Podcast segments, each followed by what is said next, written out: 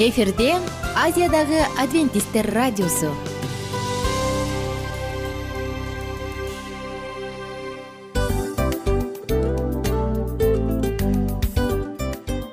Достор салют. Баардык сүйүктүү угармандарыбызга салам айтабыз. Кутман күнүңүздөр менен. Ден соолук өмүрдүн булагы демекчи саламат саамы программасында баарыңыздарды көргөнүбүзгө абдан кубанычтабыз. Анда алгач амандашып өтөлү арбаңыздар деп. Ден соолугуңуздар кандай элибизде көбүнчө ден соолук кандай дегенде эле жакшы деп жооп беребиз э? ооруп турсак дагы жакшы дейбиз. Анан мен муну айтып ойлойт элем бул абдан сонун сөз депчи анткени бул жакшы деген үмүт да э баары жакшы болот. Баары сонун. Деп үмүттөнүп атып эле өзүбүздү өзүбүз дарылап коебуз. Анысы кандай? Сиздин дагы ден соолугуңуз жакшы беш деген үмүттөбүз чындыгында ден соолук бул өмүрдүн булагы деп бекеринен айтылган эмес деп ойлойм. Кыргыз элинде анткени эгерде ден соолук жок болсо анда адамдын жашоосунда калган баардык керектүү маңыздуу нерселер өзүнүн баалуулугун жоготуп коет. Ошондуктан ден соолук бул эң керектүү нерсе. Ооба туура айтасың кесиптешим. Чынында ден соолугуң жок бир эки үч күн ооруп калсаң эле э кандай болуп калат? Жашоодо көз каранды болуп каласың көп нерсеге жетишпей каласың көп нерсени кыла албай каласың жада калса эшикке дүкөнгө да чыга албай каласың. Туптуура анан ден соолук болсо демек биз биздин бактыбыз тотой деп койсок болот. Анда достор саламат саамы рубрикабызды баштайлы. Алдыда өзүңүзгө керектүү болгон сонун кеңештерди уга аласыздар. Мына ошондуктан биз менен бирге болуңуздар. Ал эми биз болсо милан жана айнура. Кеттик алга. Алга саламат саама ден соолуктун жарчысы. Саламат саама ден соолуктун ачкычы. Күн сайын сиз үчүн мыкты кеңештер сонун жаңылыктар кызыктуу фактылар биздин рубрикада.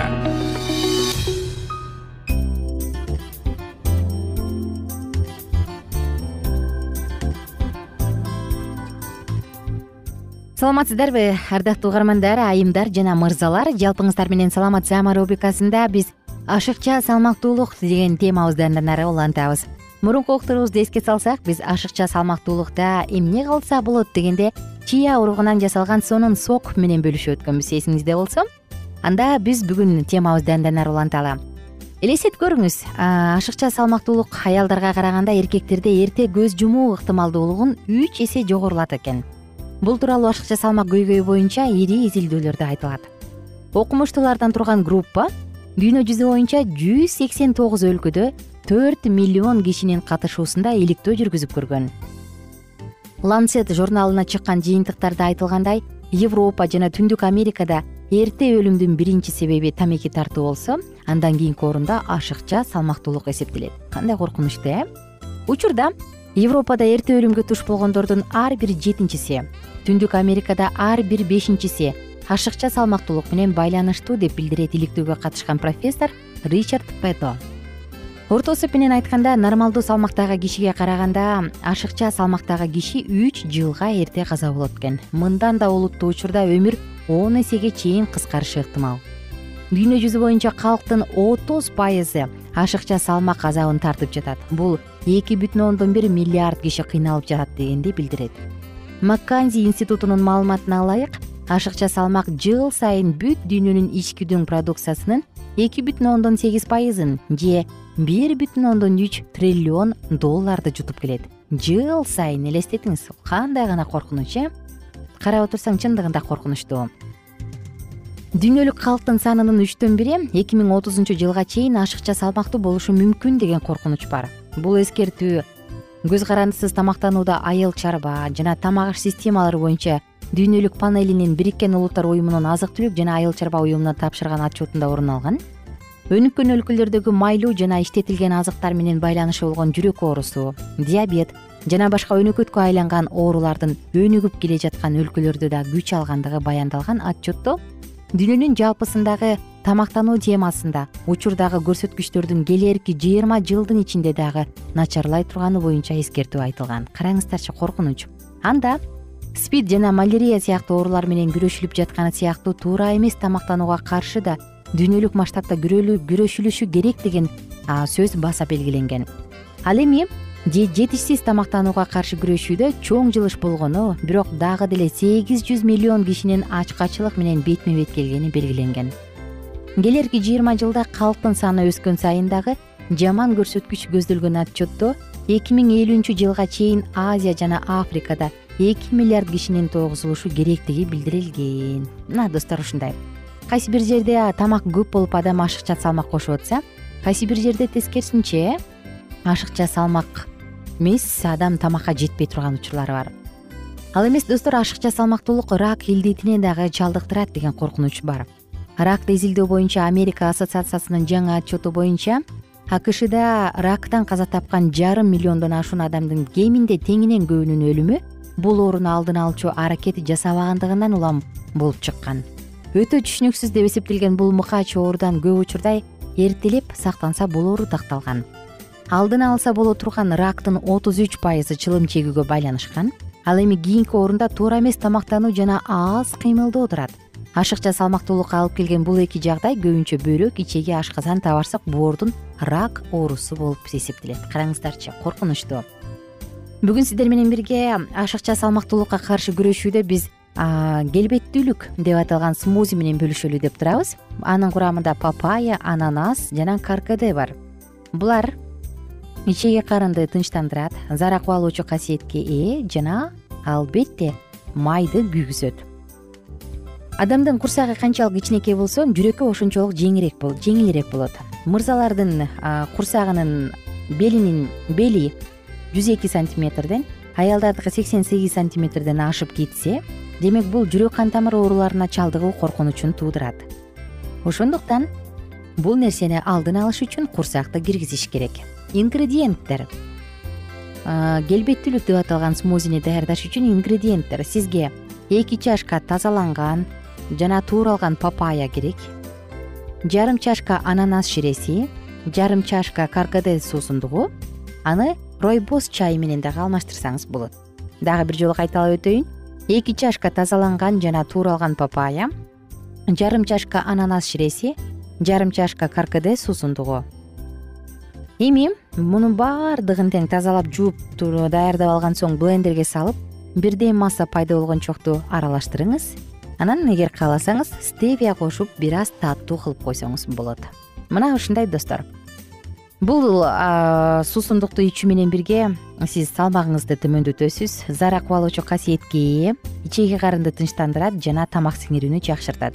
Анын курамында с витамини фалат магний а витамини калий б алты б бир витаминдери бар жана мыкты сонун витаминдүү суусундук. Өзүңүзгө кам көрүңүз. Жогоруда айтылгандай ооруга чалдыкпаш үчүн анын алдын алууга аракет кылуу маанилүү. Ошондуктан көбүрөөк кыймылдаңыз көбүрөөк туура тамактанууга аракет кылыңыз. Жана сөзсүз түрдө колдон келишинче стресстен жаман нерселерден алыс болгонго эмне жетсин? Достор ашыкча салмак жөнүндө сөз кыла турган болсок дагы эмнени айтабыз? Ашыкча салмактын дагы бир коркунучтуусу бул гипертония э? Гипертония оорусуна чалдыктырышы мүмкүн гипертония болсо бул оору дарыланбас оору сен кабылдың болду. Ал өмүр бою сенде калат. Ошондуктан мындай коркунучтуу оорулардын алдын алыш үчүн келиңиздер. Кыймылдайлы басалы чуркайлы тез татымдардан куурулган туздуу азыктардан баш тартып өзүбүздүн ден соолугубузга кам көрөлү. Өзгөчө жай мезгилинде бул оңоюраак анткени бизде жашылча жемиштердин баары бышып жеткиликтүү баада сатылат. Мындай учурда албетте өзүбүзгө кам көрсөк болот сиздер менен коштошобуз. Күнүңүздөр көңүлдүү улансын. Э, сиздин белиңиз канча сантиметр экенин ченеп коюңуз мырзалардыкы жүз экиден аялдардыкы сексен сегиз сантиметрден ашпашы керек. Эгер ашып кетсе жүрөк кан тамыр ооруларына чалдыгуу коркунучу жогору. Оорубаңыздар достор. Бай бай жана бактылуу болуңуздар. Жалпыңыздар менен коштошом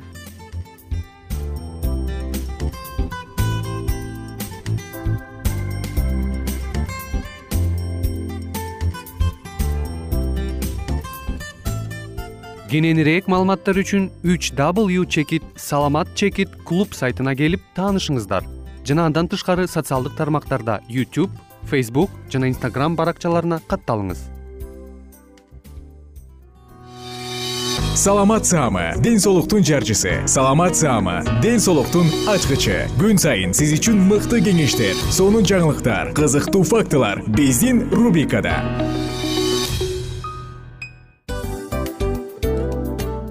салам достор. Кайрадан биздин сүйүктүү рубрикабызга кош келиңиздер деп айтмакчыбыз.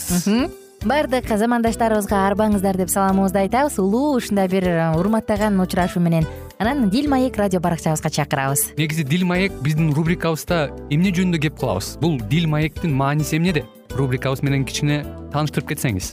Сөзсүз түрдө тааныштыра кетейин кесиптешим суранычы боюнча бул учурда бул радио баракчада биз ар тарап кесип ээлеринен сонун кеңештерди алабыз сүйлөшөбүз сырдашабыз. Аталарыбыздын эжелерибиздин апаларыбыздын кеңештерин угабыз айтор.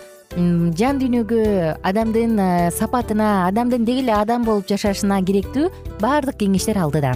Негизи э, дил маек дегенде баягы эки адамдын ортосундагы сырдашуу кенен сүйлөшүү. Негизи эле биз адамдар бири бирибиз менен бир жерге жай жерге отуруп алып өзүнчө тынч э, жашоо жөнүндө өмүрүбүздө эмне болуп атканын бөлүшкөнү жакшы көрөбүз э адамдар. Ооба туура айтасың анан мындай учурга кээде убакыт да жетпей келет э? Же болбосо сырыңды кайгыңды муңуңду кубанычыңды айткың келет а адамга ишенбешиң мүмкүн. Ооба. А бул радио баракча угармандарыбыздын чыныгы досу. Анткени бизден алган кеңеш сиздин жашооңузга чоң жардам берет. Ал эми сиздин бизге айта турган сөзүңүз ортодо гана сыр бойдон калат. Ошондуктан биздин дил маек рубрикабызга дагы бир жолу кош келиңиздер. Жана биз даярдаган маалыматтарга даяр болуңуздар. Айнура жана милан сиздер менен бирге алдыга кеттик ар түрдүү ардактуу кесип ээлеринен. Алтын сөздөр жүрөк ачышкан сыр чачышкан сонун маек. Дил маек рубрикасында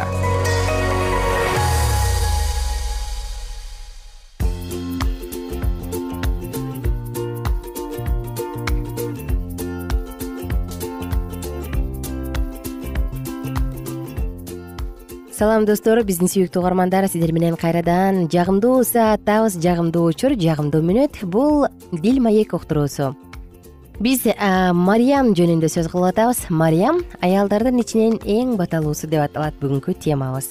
Мурунку уктурууда мариям турмушка чыга элек болсо дагы ал мессиянын энеси болору жөнүндө кабар алганын айтканбыз. Эми улантабыз мариям жаш. Ал анча белгилүү эмес кыштакта төрөлгөн ал күйөөсү жок туруп кантип бала төрөйт болочок күйөөсү менен баш кошууга убадалашып эле койгону болбосо ага турмушка чыга элек. Анын эркек көрбөсөм бул кандайча болот деп айтканына таң калууга болобу? Ал сүйлөй электе эле периште ага коркпо мариям анткени сен кудайдан ырайым таптың деп ыйык рух ал аркылуу кандай керемет көрсөтөрүн айтты. Ал төрөй турган наристе баарынан жогоркунун уулу деп аталат. Мариям кудайды мусанын пайгамбарлардын китептеринен жана забурдан улам билет. Ал теңирдин алдында бүт жүрөгү менен моюн сунду. Ал кудайдын өз эли үчүн бүтүндөй эл жана айрым адамдар үчүн канчалаган көп иштерди кылганын билет. Кудайды урматтаган адамдарга ал ырайым кыларын баарынан мурда алсыздарга жана басынтылгандарга жардам берерин билет. Өзүнүн башкалардан эч кандай айырмасы жок экенин билет. Мүмкүн кудай аны дал ушул себептен тандап алгандыр. Өзү болсо кудайга моюн сунууга анын күңү болууга даяр. Ал көздөн кайын болуп кеткен периштеге удаалаш мага сен айткандай болсун деди өзүн токтоо кармап. Анын сөздөрү өзүн кудайга толук арнагандыгынан кабар берип турду ал буга ойлонбой эле туруп жооп бере салган эмес. Мариямга убадаланган уул кийин өзүн кудайга толук арнап ушул сыяктуу эле сөздөрдү айтат. Мен каалагандай эмес сен каалагандай болсун мариямдын кудайга болгон мамилеси анын сөздөрүнөн көрүнүп турат. Келечекте ушул сөздөрүн иш менен бекемдөө үчүн ал көп мүмкүнчүлүктөргө ээ болот. Азыр болсо келечек кандай болорун алдын ала билбейт бирок ал кудайдын эркин кабыл алууга дайым даяр. Аялдардын ичинен эң баталуусу болгон мариям башынан эле баталар курмандыктарды талап кылаарын билген. Мариямга чейин муну муса мариямдан кийин пабыл таанып билген. Анын биринчи курмандыгы өзүн кудайга толук арноо менен жаманаттуу болушуна кайыл болушу. Аны менен убадалашып койгон жусуп үчүн кыйынчылыктар пайда болду ал кудай менен тыгыз байланышта жашачу. Ал үчүн башка эркектин боюна болуп калган кызга үйлөнүү мүмкүн эмес эле. Бирок жусуп мариямды сүйөт аны эл алдында уят кылгысы келбейт. Мыйзам боюнча ал анын айыбын ачууга тийиш андай кыз өлүм жазасына тартылышы керек. Жүйүт элинен чыккан кыз болочок күйөөсүн алдаган болсо үйлөнгөн күнү кыз болуп чыкпаса аны аяусуз таш бараңга алып өлтүрүшкөн ошол себептен жусуп аны жашыруун кое берүүнү ойлоду. Кыз менен боло турган окуялардын баарын кудайдын эркине койсо анда ал бул көйгөйдү туура чечкен болуп саналат. Кудайдын периштеси болсо жусуптун түшүндө чынында эмне болгондугун түшүндүрдү. Мариям төрөй турган уул ышая пайгамбар алдын ала айткан убадаланган эмануэль болуп эсептелет. Жусуп тандалган адам ага аталык милдетти аткаруу мүмкүнчүлүгү берилген. Ал наристеге ыйса деген ат коймок. Ага аны өз уулундай тарбиялап өстүрүү мүмкүнчүлүгү берилген. Анын үйү кудайдын уулу жер бетинде жашап тургандыгына мекеним деп атай турган жай. Кудай ишеним көрсөткөнүнө ыраазы болгон жусуп мариямды аялдыкка алды. Айланадагы адамдар мариямдын тазалыгынан күнүмөн санашы мүмкүн эле ошого карабастан жусуп ага үйлөндү. Бирок ыйса төрөлгөнгө чейин аны менен кошулган жок. Жусуп менен мариям иерусалимдеги ибадатканага чогуу келишти. Колдоруна наристени көтөрүп алышкан. Андан сырткары теңирге курмандык чалыш үчүн эки көгүчкөн ала келишти. Ушул учурда мариям былтыркы окуяларды эстеди. Жебирейил периште жакшы кабар айтып кеткенден кийин мариям иерусалимден алыс эмес жерде жайгашкан кичинекей айылга жакын тууганы елизабеттикине барганын эстеди. Элизабет да кош бойлуу болчу. Мариям өзү жөнүндө айта электе эле элизабет аны менен аялдардын ичинен сен баталуусуң деп саламдашты. Ыйык рухка толгон ал мариямды теңиримдин энеси деп атап ага карата айтылган кудайдын сөздөрү аткарыларына ишенип аны даңктады буга жооп кылып мариям кудай өзү оозуна салып берген даңктуу орун ырдады. Ал кандайдыр бир улуу нерсе болорун сезип турду. Жаш кары дебей аны бактылуу дешет. Мариямды сыйга татыктуу болгону үчүн эмес улуу ыйык жана кудуреттүү кудай жасаган иштер үчүн сыйлашат ал өзүн буга татыксыз сезди кудайга ыраазычылык билдирип табынгандан башка эч нерсе кыла албайт төрөлүшү керек болгон наристе анын өзүнүн да куткаруучусу болгон. Өзүнө ушундай урмат көрсөтүлүп жатканына карабастан ал өзүн куткаруучуга муктаж күнөөкөр сезди даңктуу ырында өзүнө ашыра баа бербегендигин ал өзү сезген жок. Жүздөгөн жылдар өткөндөн кийин адамдар анын кудайга болгон сүйүүсүнө суктана тургандыгын да билген жок ал күнүнө жетип калганда ай күнүнө жеткенде мариям жусуп менен бирге бейтлехем шаарына эл каттоого барууга аргасыз болгон. Бейтлехем дөөт шаарынын шаары болчу. Мариям менен жусуп экөө тең дөөттүн тукумунан чыккан. Ошол жерде алар каттоодон өтүүлөрү керек эле. Замандаштар биз андан аркы окуяны кийинки уктуруубузда улантабыз. Мариям аялдардын ичинен эң бактылуусу кандай гана сонун айтылган сөз албетте негизи эле эне болуу бактысы бул өзүнчө эле бир чоң бакыт э? Мындай бакытты баштан өткөргөн адам билет. Ал эми ыйса машаяктын денелик энеси болуу албетте андан дагы чоң бакыт. Бизге кээде кудай кайсы бир нерсени ишенип тапшырат экен? Ошол нерсеге ишенимдүү болсок анда биз чын эле баталуубуз убактылуу коштошобуз жана кийинки уктуруудан үн алышканча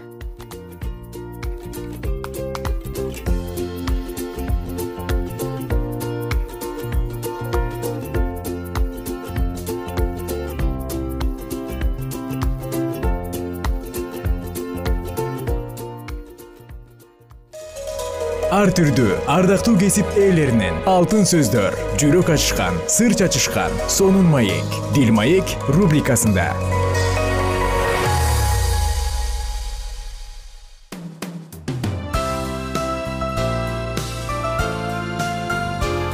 Эфирде азиядагы адвентисттер радиосу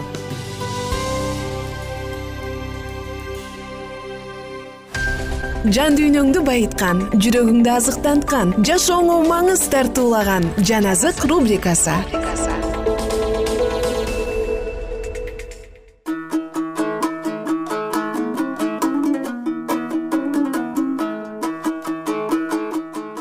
Салам достор. Кандайсыздар угармандар? Жалпыңыздар менен жан азык уктуруусундабыз. Жана эске сала кетсек биз бул уктурууда ошуя китебин окуп жатканбыз. Эски осуятта жазылган бул китепти окууну андан ары улантабыз. Биз менен бирге болуңуздар. Ошуя китеби төртүнчү бөлүм. Ысрайыл уулдары. Теңирдин сөзүн уккула анткени теңир бул жердин тургундарын соттойт. Себеби бул жерде акыйкаттык да боорукердик да кудайды таанып билүү да жок. Ант берүү алдамчылык киши өлтүрүү уурулук кылуу бузуктук кылуу аябай жайылган. Кан төгүүнүн артынан кан төгүү. Ошон үчүн бул жер ыйлайт. Анын үстүндө жашагандардын баары талаадагы айбанаттар да асмандагы канаттуулар да алсырайт. Атүгүл деңиздеги балыктар да кырылат. Бирок бири бири менен талашып тартышпасын. Бирин бири ашкерелебесин анткени сенин элиң ыйык кызмат кылуучулар менен талашып тартышкандарга окшош. Сен күндүз мүдүрүлүп жыгыласың. Сени менен кошо пайгамбар түн ичинде мүдүрүлүп жыгылат. Энеңди жок кылам. Элим мени таанып билбегендиктен кырылды. Сен таанып билүүнү четке каккандыктан мен да сени менин алдымда ыйык кызмат кылуудан четтетем сен өз кудайыңдын мыйзамын унуткандыктан мен да сенин балдарыңды унутам. Алар канчалык көбөйгөн сайын мага каршы ошончолук көп күнөө кылып жатышат. Алардын даңкын маскарачылыкка айлантам. Алар менин элимдин күнөөлөрү менен азыктанып жатышат. Алардын жаны анын мыйзамсыздыгына умталып жатат. Элге эмне болсо ыйык кызмат кылуучуга да ошол болот аны өзүнүн жолдоруна жараша жазалайм. Ага өзүнүн кылган иштерине жараша тиешесин берем. Жешет бирок тоюшпайт. Бузуктук кылышат бирок ичпейт анткени теңирге кызмат кылууну таштап коюшкан. Бузуктук шарап жана ичимдиктер алардын жүрөгүн ээлеп алган. Менин элим өзүнүн дарагынан сурап жатат ага өзүнүн таягы жооп берип жатат. Анткени бузуктук руху аларды адаштырды аларды бузуктук кылып өз кудайынан баш тартышты. Алар тоолордун чокуларында курмандык чалып жатышат. Дөңсөөлөрдөгү эмен дарактарынын кайыңдардын жана кара жыгачтардын түбүндө жыпар жыттуу зат түтөтүп жатышат. Анткени алардын көлөкөсү жакшы ошондуктан кыздарыңар бузуктук кылып жатышат келиндериңер ойноштук кылып жатышат. Мен бузуктук кылып жаткан кыздарыңарды ойноштук кылып жаткан келиндериңерди жазалабайм. Анткени силер өзүңөр бузулган аялдар менен кошулуп жатасыңар. Бузуктук кылгандар менен бирге курмандык чалып жатасыңар. Түркөй эл болсо өлүп жатат. Ысрайыл сен бузуктук кылсаң да жүйүт күнөө кылбасын гилгалга барбагыла бейтабенге чыкпагыла теңир тирүү деп ант бергиле. Анткени ысрайыл өжөр кунаажындай өжөр болуп калды. Ошон үчүн теңир эми аларды кенен жайытта козу кайтаргансып кайтармак беле. Эпрайым буркандарга байланып калды. Аны буркандары менен калтыр. Алар масы тарагандан кийин бузуктук кылганын улантышат. Алардын төрөлөрү уятсыз иштерди жакшы көрүшөт шамал аларды канаттары менен курчап алат. Алар өздөрү чалган курмандыктары үчүн уят болушат. Ошуя бешинчи бөлүм.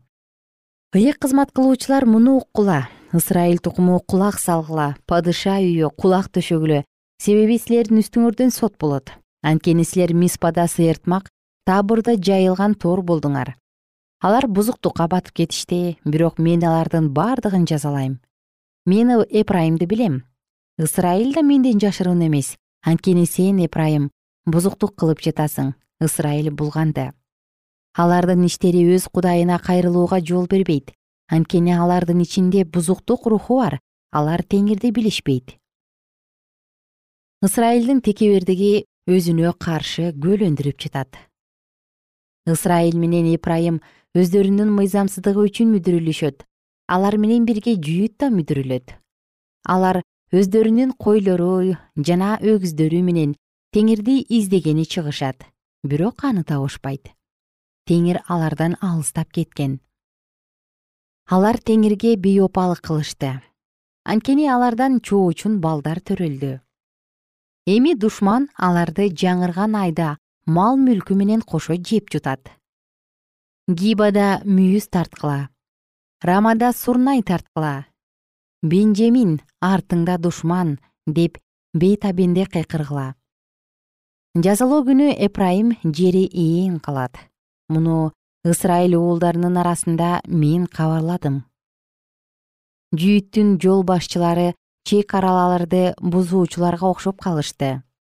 Мен аларга өз каарымды суудай төгөм эпрайым эзилди. Жазаланып талкаланды. Анткени ал жалган кудайлардын артынан жүргүсү келген. Мен эпрайым үчүн күбөдөй болом жүйүт үчүн курттай болом. Эпрайым өз дартын жүйүт өз жараатын көрдү. Эпрайым ашурга жөнөдү жареп падышасына чабарман жөнөттү. Бирок ал силерди сакайта албайт силердин жараатыңарды айыктыра албайт.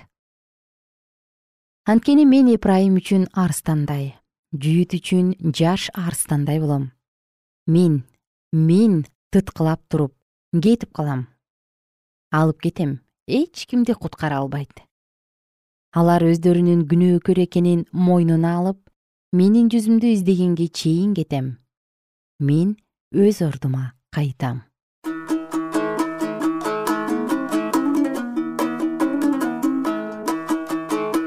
Ардактуу угармандар кымбаттуу достор бүгүн сиздер менен бирге ошуя китебинен үчүнчү төртүнчү бешинчи бөлүмдөрдү бирге окудук. Кийинки уктурууда алтынчы бөлүмдөн андан ары улантабыз. Караңыздарчы теңирдин кызганчаактыгы теңирдин каары канчалык зор. Мына ошондуктан кудайдын каарына калбайлы. Ар бирибиз жаратуучубуздун алдында жүргөн күндөрүбүздү ар бир саатыбызды эстеп ошого отчет кылсак кандай сонун болот эле. Сиздер менен кайрадан амандашканча бар болуңуздар эгер сиздерде суроолор болсо же көбүрөөк маалымат билем десеңиз анда биздин whatsapp номерибизге жазыңыз. Плюс бир үч жүз бир жети жүз алтымыш алтымыш жетимиш. Кайрадан плюс бир үч жүз бир жети жүз алтымыш алтымыш жетимиш